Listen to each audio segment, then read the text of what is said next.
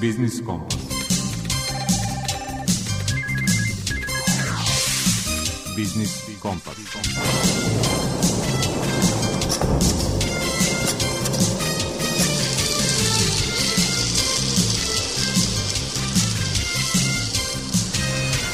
Pred mikrofonom je Đuro Vukilić.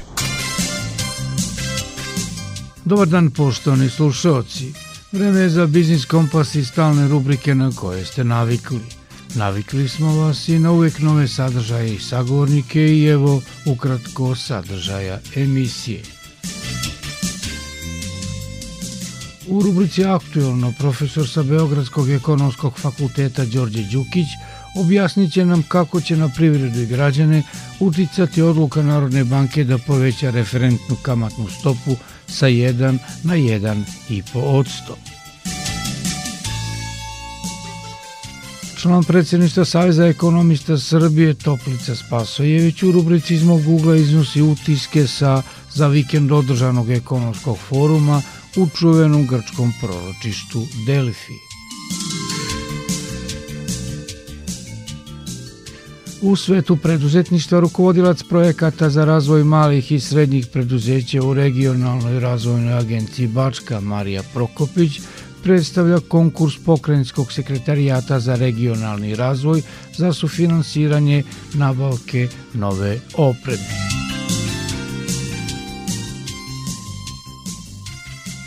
Direktor Odeljenja za nacionalne centre za borbu protiv falsifikovanja u Narodnoj banci Srbije Miroslav Jeremić u rubrici Predmet financije savjetuje kako prepoznati krivotvorenu novčanicu i šta učiniti ako vam je neko podmetne.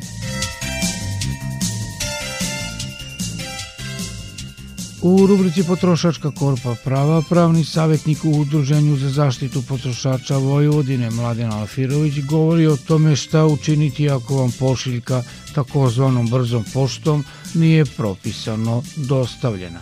A pre najavljenih tema kraća muzička pauza.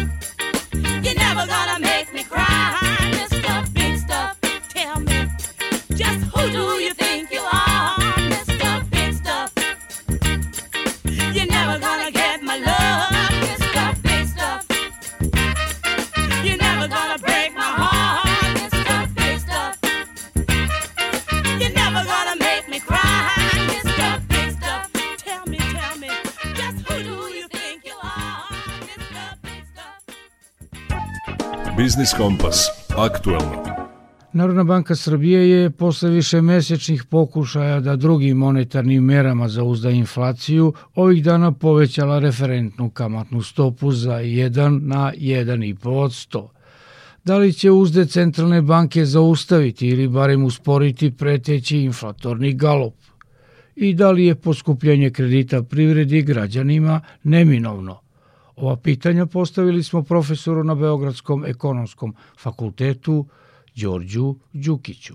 Prvo, odgovor na ovo vaše drugo pitanje, što je ključno za građane, znači ona će uticati na povećanje cene kredita samo oni koji su se zadužili na bazi ugovora gde se koristi referentna kamatna stopa kao osnova. E, praktično oni koji koriste gotovinske kredite, možemo reći do sada su bili u jako povoljnoj situaciji. Zašto jako povoljno? Pa ako uzmete da je februarska inflacija 8,8 na godišnjem nivou, a da je cena gotovinski kredite ili kamatna stopa se kreće od 6 do 7%, onda je to jasno da su dužnici bili zaista u povoljnoj situaciji.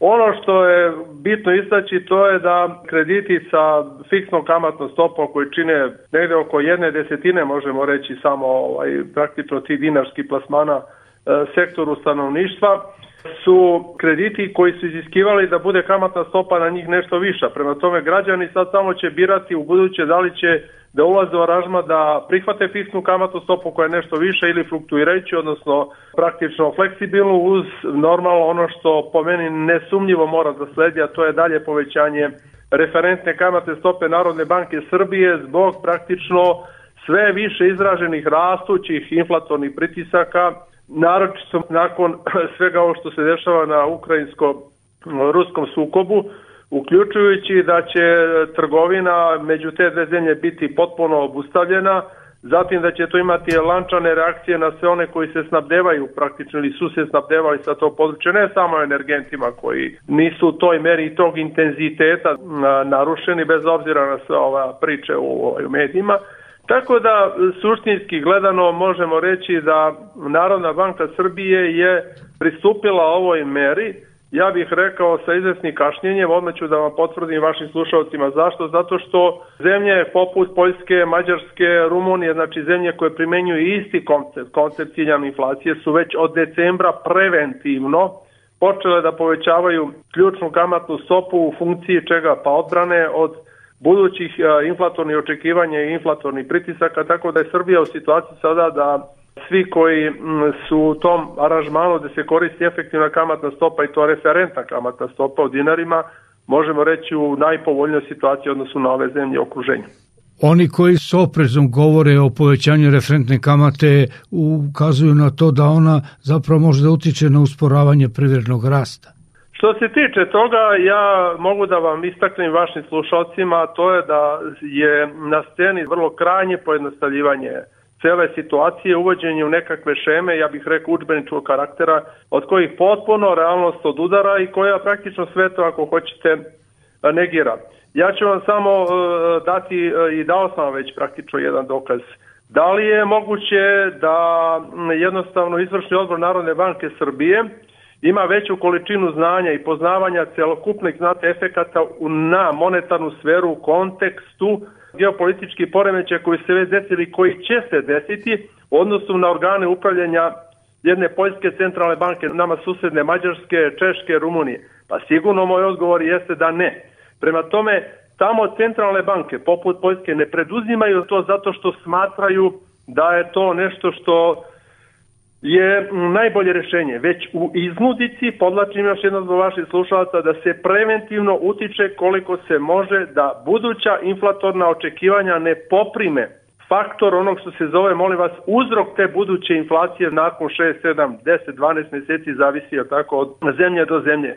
Pri čemu uh, ja često koristim kao monetarac izraz alhemija. Ovo mi sve liči da na jedne strane ti koji govore da će to negativno uticati na privredni rast, pa znamo, to je elementarno štivo znati iz makroekonomije prvoj godini studija, a to je povećanje cene kredita, utiče jednostavno povećanje troškova i usporava privrednu aktivnost. Ali molim vas, suština je problema da je ovde bitka sa fenomenom koji je najgori što može da bude, a to je prestojeći period koja ja govorim kao praktično čovek koji je ekonomista koji je zadužen da govori šta će se eventualno dešavati, šta treba raditi, a to je stagflacija. To je najgore moguće rešenje koje zemlja može da snađe. I mi smo, molim vas, na ivici ili ako hoćete ono što se zove ivici kanjona, da praktično privrede, čak i privrede SAD-a, a da ne govorimo o Evropi, utonu u stahvaciju što će biti možemo reći ekstremno teško posle lečiti. Zašto ekstremno? Zato što morate da lečite inflaciju rastućim kamatnim stopama, privredna aktivnost se usporava, ali nevezano od monetarne sfere. Ona se usporava do svih ovih realnih faktora, davno prekinuti lanac snabdevanja zbog relacije Kina, SAD i sve ono što se dešavalo, ukrajinskog praktično sukoba, međunarodnih sankcija koje praktično nikada u istoriji nisu zabeležene ovog intenziteta, gde pojedini autori, da vaši slušalci čuju koji nisu eventualno, govore o finansijskom ratu. To je znači nešto što je potpuna novina i sada u takvom kontekstu govoriti o nekakvim učbeničkim šemama ispada krajnje, krajnje, ja bih rekao, diletantski i u tom smislu da vam dodam još jedan argument – Očekuje se vrlo brzo za odbor guvernera američkog Feda koji opet, makoliko neko iz ideološke razloga to ne prihvato i dalje najmoćnija centralna banka u svetu zbog zadržane moći dolara, oni će verovatno sudeći prema javnim izjavama članova odbora guvernera, verovatno u maju, pribeći još jednoj dodatnoj restrikciji da bi sprečavali dalje eksploziju inflacija, to je šta? Da smanje onu količinu hartija koju Fed ima u posedu, što znači da uvedu dodatne restriktivne vere van onog što se već krenuo, kao što znate u martu, povećanja ključne kamatne stope koje će se nastaviti. Šta je samo bitno? Bitno je da će verovatno i time završavam to povećanje biti usporenije, mislim na kamatnu stopu, jer i Fed brine o tome kako će šta njihova država servisirati sve te obaveze koje ima poslo emitovanih hartija od vrednosti. Pa to je bitno i za Srbiju, i za sve ostale zemlje, zato što automatski to se odnosi na cenu pozemljivanja u dolarima na sve, e, poput Srbije. Dalje, zašto je to ovaj, bitno?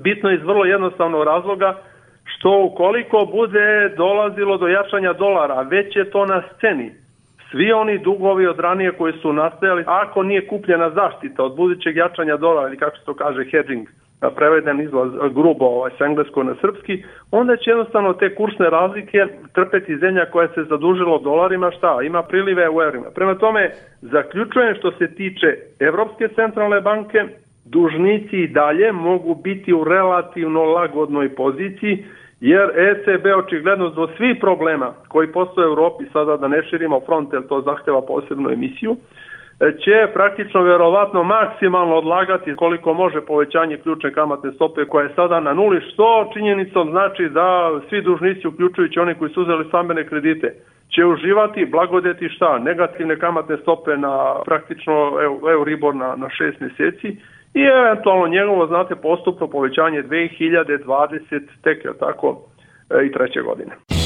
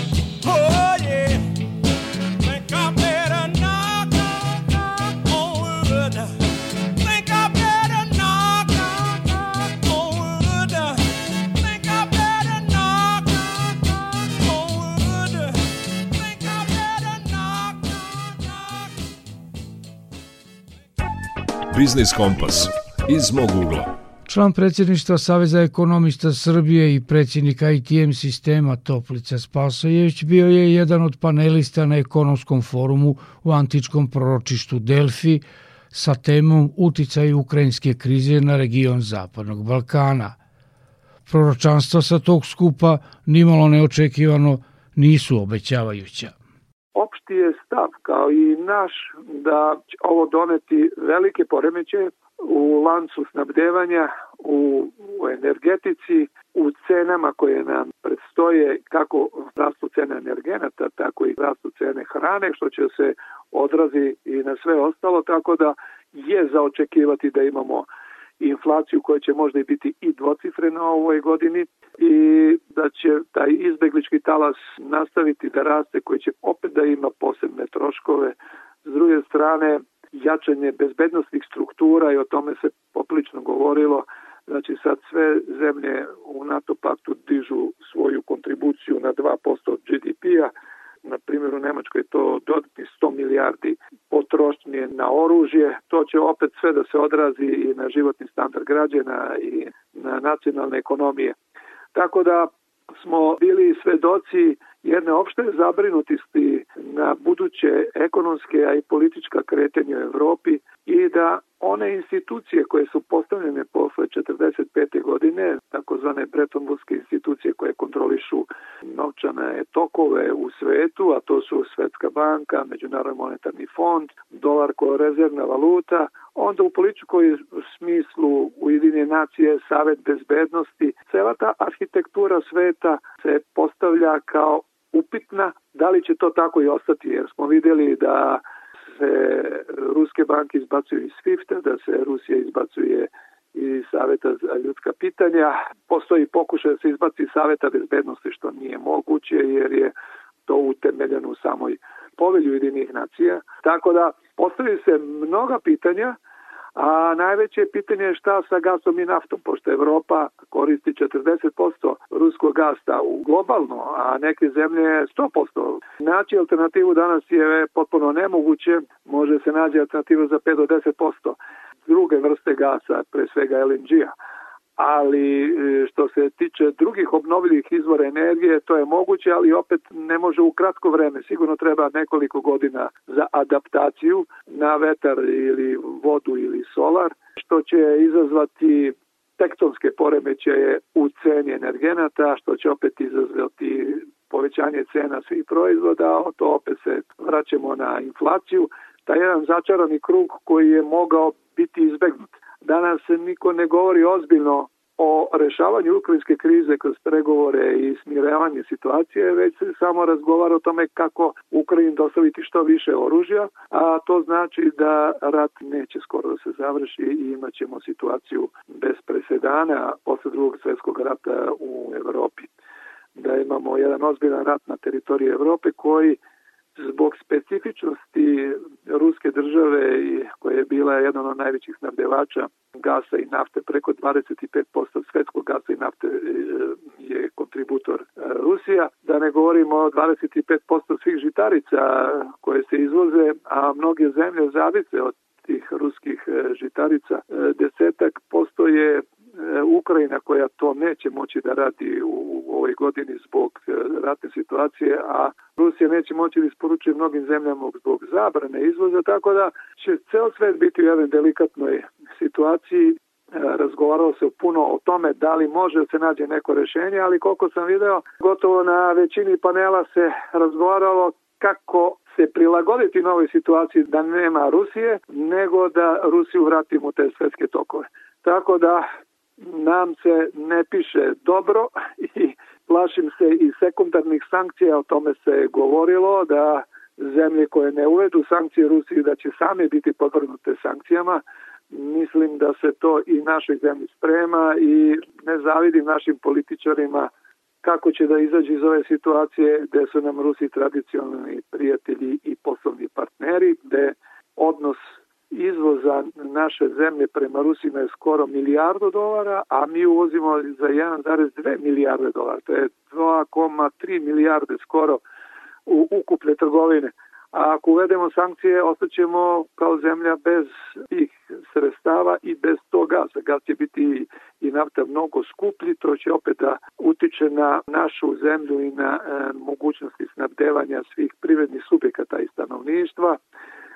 Pitanje je da ćemo mi biti zanimljiva i zemlja za investicije. Prošle godine smo imali 3,9 milijardi investicija i to je 60% svih investicija u jugoistočnoj Evropi. Da li ćemo to moći da uradimo ako otkažemo Rusima i nemamo gasa, a isto nam se verovatno nam sleduje i ako ne uvedemo sankcije Rusima jer e, će biti zabranjeno tim zemljama da investiraju u našu zemlju. Tako da jedan potpuno čudnovata situacija za koju niko nije bio svestan do sada, a još ako uzmemo u obzir da se pandemija covid još nije završila i da to deluje frustrirajuće na svetske ekonomiste koji su pokušali da nađu izlaz iz pandemije tako što su štampali pare, a da se privredni rast nije mnogo pomerio, samo se desila inflacija najveća u posljednjih 40 godina i u Americi, oko 7% i u Evropi oko 7%.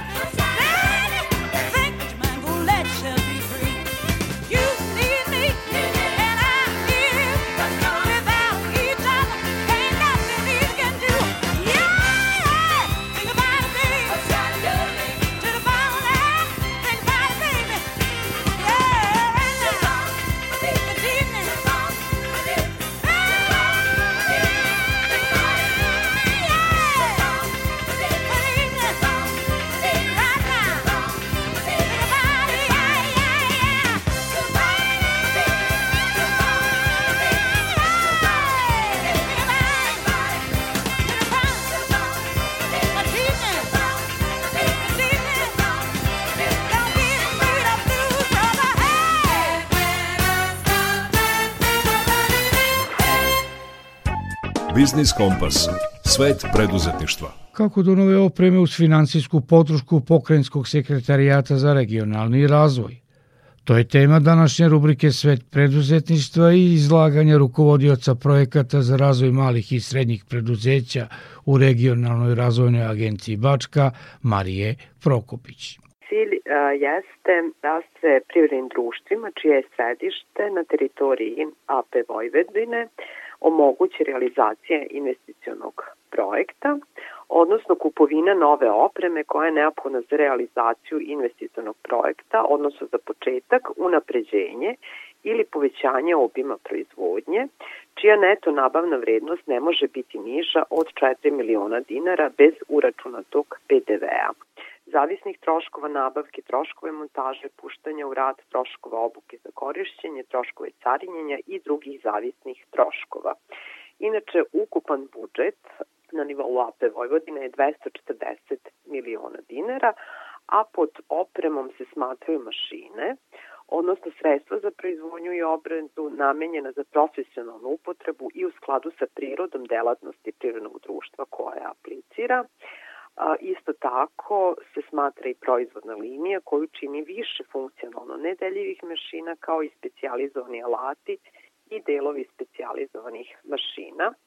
A, predmet finansiranja ne mogu da budu transportna sredstva, a inače oprema za čiju kupovinu se dodeljuju bespovratna sredstva mora biti isključivo nova koja je to vrednost koja može biti dodeljena svakom pojedinačnom prirodnom subjektu od 2 miliona dinara do 8 miliona dinara, pri čemu maksimalan iznos ne može biti veći od 50% neto vrednosti opreme. Neki od uslova koje privredna društva treba da ispune jesu da poslednje tri godine nisu bili u blokadi, da nemaju iskazan poslovni gubitak, gubitak preoporezivanja u poslednje dve godine, da nisu smanjivali broj zaposlenih za više od 10% tokom poslednjih 12 meseci i ono redovno što se traži od privrednih subjekata, a to je da nisu u teškoćama, da nisu bili u blokadi, kao da nije protiv njih pokrenut neki stečajni i drugi postupci.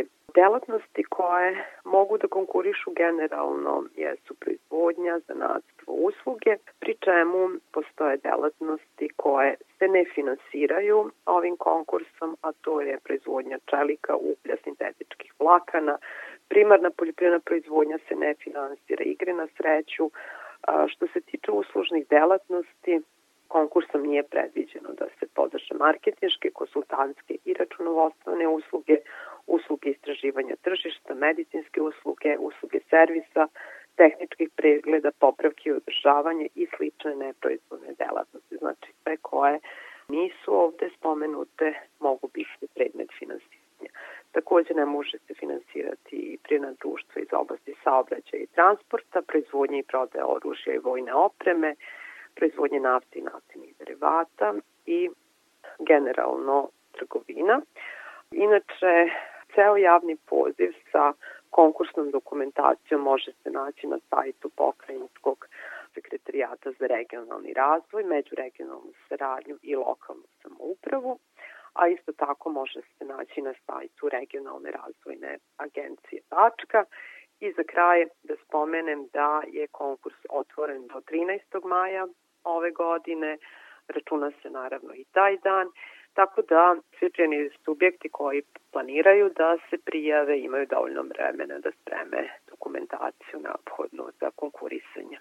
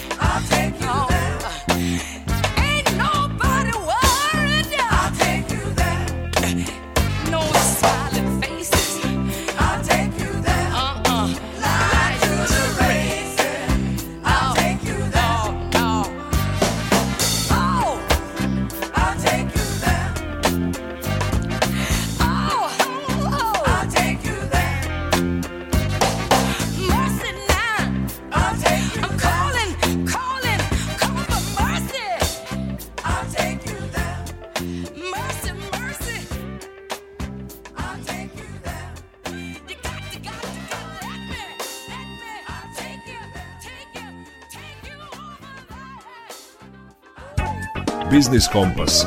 Predmet financije. Ukoliko vam neko podmetne novčanicu za koju sumnjate da je falsifikat, najbolje je da je predate radi provere nekoj od banaka ili u policiji. Ako je u redu, bit će vam vraćena. A ako je reč o falsifikatu, ostaćete bez novca, ali ćete izbeći krivičnu odgovornost objašnjava u rubrici Predmet financije direktor Odeljenja za nacionalne centre za borbu protiv falsifikovanja u Narodnoj banci Miroslav Jeremić. U prva tri meseca 2022. godine Narodna banka Srbije konstatovala je ukupno 1300 komada falsifikata novčanica. Od toga dinarski falsifikati su bili 1061 komad, novčanice evra su falsifikovane u 140 slučajeva, hrvatske kune smo pronašli 96 komada i 3 dolarske novčanice u apoenu od 100 dolara. Ukupna nominalna vrednost ovih falsifikata, jer falsifikati nemaju realnu vrednost, je u dinarima 4 miliona 744 526 dinara ili oko 40 hiljada evra. Kao što se vidi iz statistike, nastavlja se trend koji je postoje u prethodnom periodu u smislu da posmatrano po broju komada najveći broj falsifikata je u dinarskim novčanicama. To je logično, jel, dinar je nacionalna valuta i ovaj problem kod tih dinarskih falsifikata za građane predstavlja činjenica da iako Narodna banka Srbije na svom sajtu daje opise originalnih novčanica sa zaštitnim elementima i time mogućnost građanima da prepoznaju falsifikate. Problem je u činjenici da jako mali broj građana zna kako izgleda originalna novčanica i zbog toga prilikom prijema novca i njegovog neproveravanja ti falsifikati prolaze, to jest građani ih primaju i time trpe materijalnu štetu. Kvalitet falsifikata dinarskih novčanica je na skali od 1 do 5, uglavnom 1, od, 1 i 2. To su falsifikati loše ili osrednje izrade, dakle oni koji bi mogli biti prepoznati kada bi primalac novca obratio pažnju na to kako novčanica izgleda i proverio barem neke od e, mnogobrojnih zaštitnih elemenata koji se na njima nalaze. Kod stranog novca je drugačija situacija, tu imamo falsifikate koji su na skali od 1 do 5 ocenjeni četvorkom ili peticom, dakle falsifikati veoma dobre izrade ili opasni falsifikati koji mogu prevariti čak i lica koja profesionalno na dnevnom nivou obrađuju novac. Tako da ovaj kod falsifikata stranog novca bi trebalo primeniti neke tehnike zaštite u smislu da je propisima koje uređuju menjačko poslovanje građanima omogućeno da u svakoj situaciji kada od banke ili ovlašćenog menjača kupuju stranu valutu, oni mogu zahtevati da se izvrši popis serijskih brojeva poena i valute novca koji je kupljen i ako takvu potvrdu sačuvaju, time bi se mogli zaštititi od eventualne buduće konstatacije da je neka od kupljenih novčanica falsifikat. E, falsifikovanje novca predstavlja krivično delo koje ima više oblika. Kažnjivo je dakle proizvoditi lažni novac, kažnjivo je preinačavati pravi novac, isto tako kažnjivo je puštati u opticaj falsifikate. Građani najčešće dolaze u situaciju da prime neku novčanicu, verujući da je originalna, pa kasnije posumnjaju da je falsifikovana.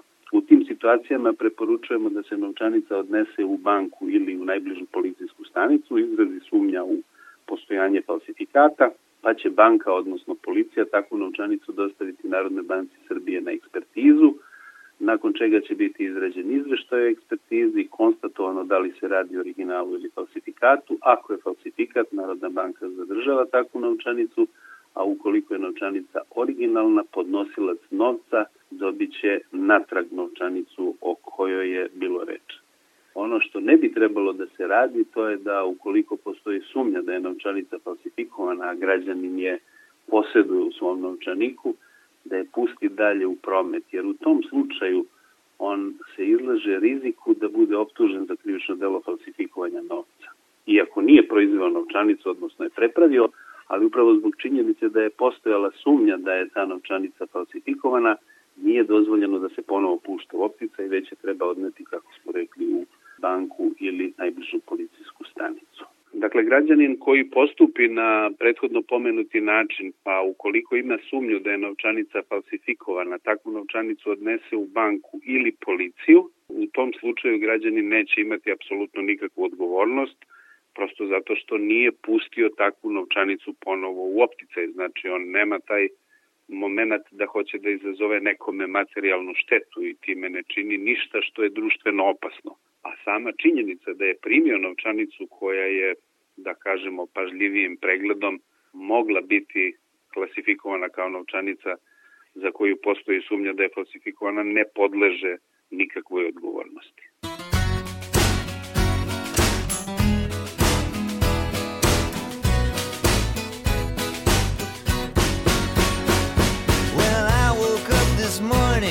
The place was such a wreck.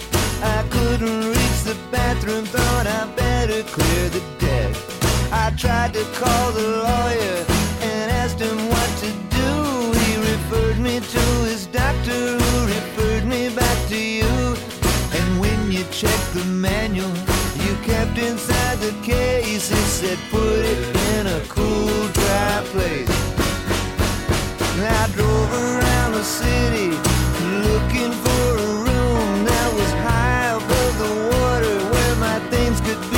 entombed. There was no one to help me, nobody even cared. I had to go through hell to get those things up there. I paid my first subscription, then I joined the Idle Race, and they said, Store it in a cool, dry place.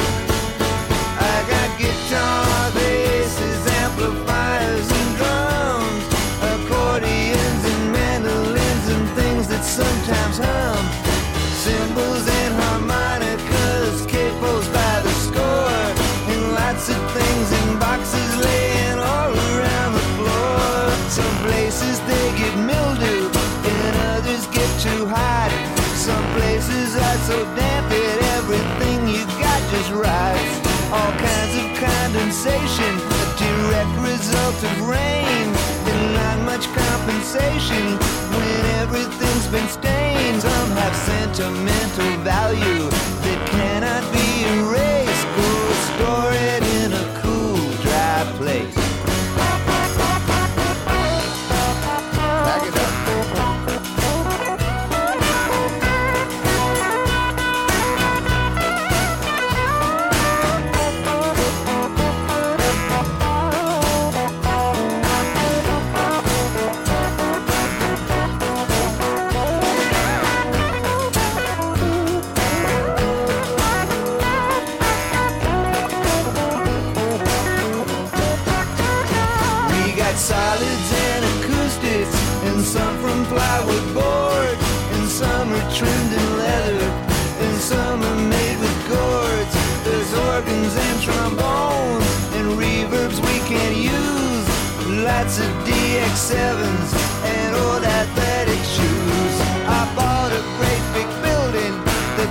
up one whole block.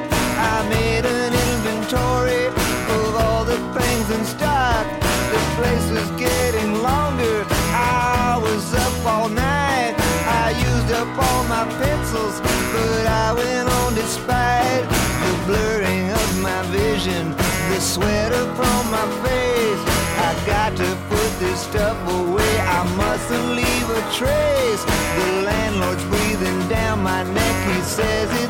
disgrace. So I said, put it in a cool, dry place.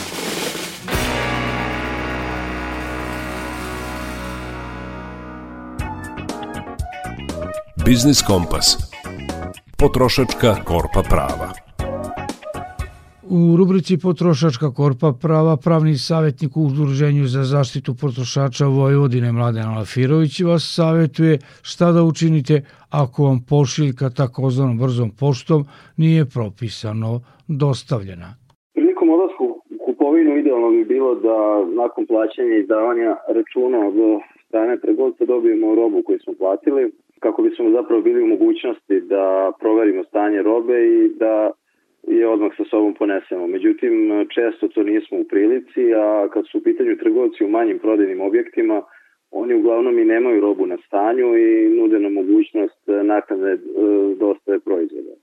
E, tu se sad otvara čitav niz pitanja sa aspekta zakona o zaštiti potrošača, a to su pitanja e, roka isporuke, odgovornosti za fizička oštećenja i slično. Pokušat ćemo sad e, da objasnimo neke najčešće situacije koje zakon prepoznaje i koje se potrošačima u praksi e, najčešće dešavaju, a vezane su za, za temu isporuke robe. Ono što zakon predviđa jeste da je trgovac u obavezi da bez odlaganja preda robu potrošaču, a najkasnije u roku od 30 dana ukoliko nešto drugo nije uh, ugovoreno. Stoga negde najpraktičnije rešenje da od trgovca zatražimo dokument na kome će biti preciziran tačan datum isporuke robe, jer u suprotnom roba može biti isporučena bilo kog dana do isteka tog zakonskog roka od 30 dana. U slučaju prekoračenja roka isporuke ugovor se raskida, međutim potrošač ukoliko to želi može trgovcu ostaviti naknadni rok za, za isporuku i po isteku tog naknadnog roka ugovor se takođe raskida ukoliko trgovac ne izvrši svoju obavezu i ne, ne isporuči robu. Ono što je bitno jeste da je trgovac dužan da u roku od najkasnije tri dana od dana raskida ugovora vrati potrošaču stav uplaćeni iznos i treba imati na umu činjenicu da je vrlo često u praksi neophodno da sam potrošač obavesti trgovca raskida ugovora usled neisporuke i zatraži svoj novac nazad. Ako trgovac ne izvrši povrat novca u navedenom roku, e, ono što možemo da uradimo jeste da kontaktiramo tržišnu inspekciju ili neku od e, potrošačkih organizacija kako bi za, zaštitili e, svoja prava. Ono što se takođe dešava u praksi jeste da pošiljka stigne oštećena i tu u praksi možemo razlikovati dve situacije. U prvom slučaju kada isporuku robe vrši dostavna služba trgovca, dakle kad trgovac nudi besplatnu dostavu i kad je ta usluga vezana za, za kupovinu te robe, a potpuno druga situacija je kad dostavu vrši pošta, odnosno kurirska služba koju angažuje i plaća potrošač. Kada trgovac dostavlja robu sobstvenom dostavnom službom, rizik za oštećenje stvari snosi trgovac. Ako je do oštećenja došlo pre predaje stvari potrošaču, logično, a nakon predaje robe sav rizik pada na teret potrošača. E, s obzirom da ovako zakonsko rešenje, potrošač e, se može zaštititi od eventualnih fizičkih oštećenja robe jedino pregledom stanja odmah po prijemu, a pre potpisivanje dokumenta da je robu primio u ispravnom stanju. Dakle, kad roba stigne, najbolje bi bilo da se ona odmah pregleda, da se uoče sva eventualna oštećenja i da se to odmah zabeleži i da se odbije prijem takve robe. Na samom zapisniku o prijemu robe trgovci daju na potpis potrošaču vrlo često e, navedenu izjavu da svojim potpisom potrošač potvrđuje da je robu primio, pregledao i da roba nema nedostataka. Dakle, pre nego što se bilo šta potpiše, trebalo bi dobro pročitati taj dokument koji se potpisuje, jer se e, u najvećem broju slučajeva trgovci na taj način ograđuju, ograđuju od svoje odgovornosti koje imaju za, za isporuku. Druga situacija je kad robu dostavlja pošta, odnosno kurirska služba i u tom slučaju se reklamacija izjavljuje poštanskom operatoru, odnosno dostavljaču, najkasnije narednog radnog dana od dana isporuke, a najduže u roku od 60 dana je neophodno podneti zahtev za obeštećenje. U slučaju da se ne podnese reklamacija u navedenim rokovima, gubi se pravo na naknadu štete. Za gubitak ili potpuno oštećenje robe, poštanski operator je dužan da isplati naknadu štete u vrednosti iznosa koji je označen na pošiljci i da se tostruki iznos poštarine za tu pošiljku. Takođe, uzevši obzir sve gore navedeno, generalno savjet potrošačima je da robu obavezno pregledaju i u slučaju kupovine u samom maloprodajnom objektu da zatraže od trgovca da se roba proveri pre nego što se iznese iz radnje, a ako je roba nakredno dostavljena, da se pregleda odmah po prijemu. Naročito je ovo bitno u slučaju kupovine bele tehnike, ugradne tehnike ili generalno drugih tehničkih proizvoda koji zahtevaju nakrednu montažu od strane stručnog lica, jer što se duže čeka, to će kasnije biti teža mogućnost da se ostvare prava garantovana, garantovana zakonom u slučaju da je došlo do nekog oštećenja za koje nije uh, odgovoran potrošač.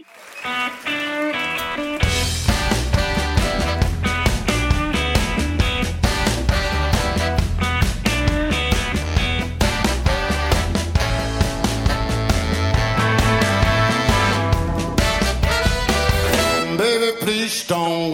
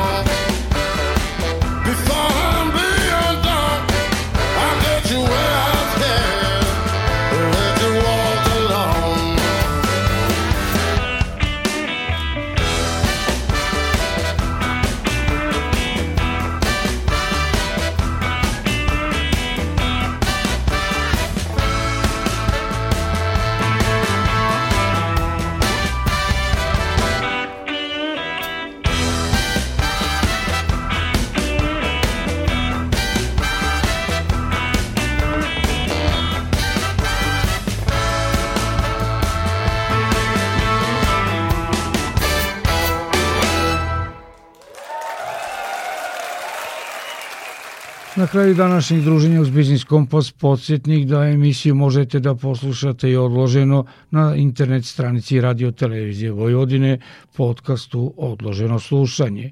Muzički urednik Zoran Gajinov, ton majstor Violeta Marković i urednik emisije Đuro Vukilić vas pozivaju da i ostatak dana provedete uz Radio Novi Sad. Zdravi bili i čuvajte se.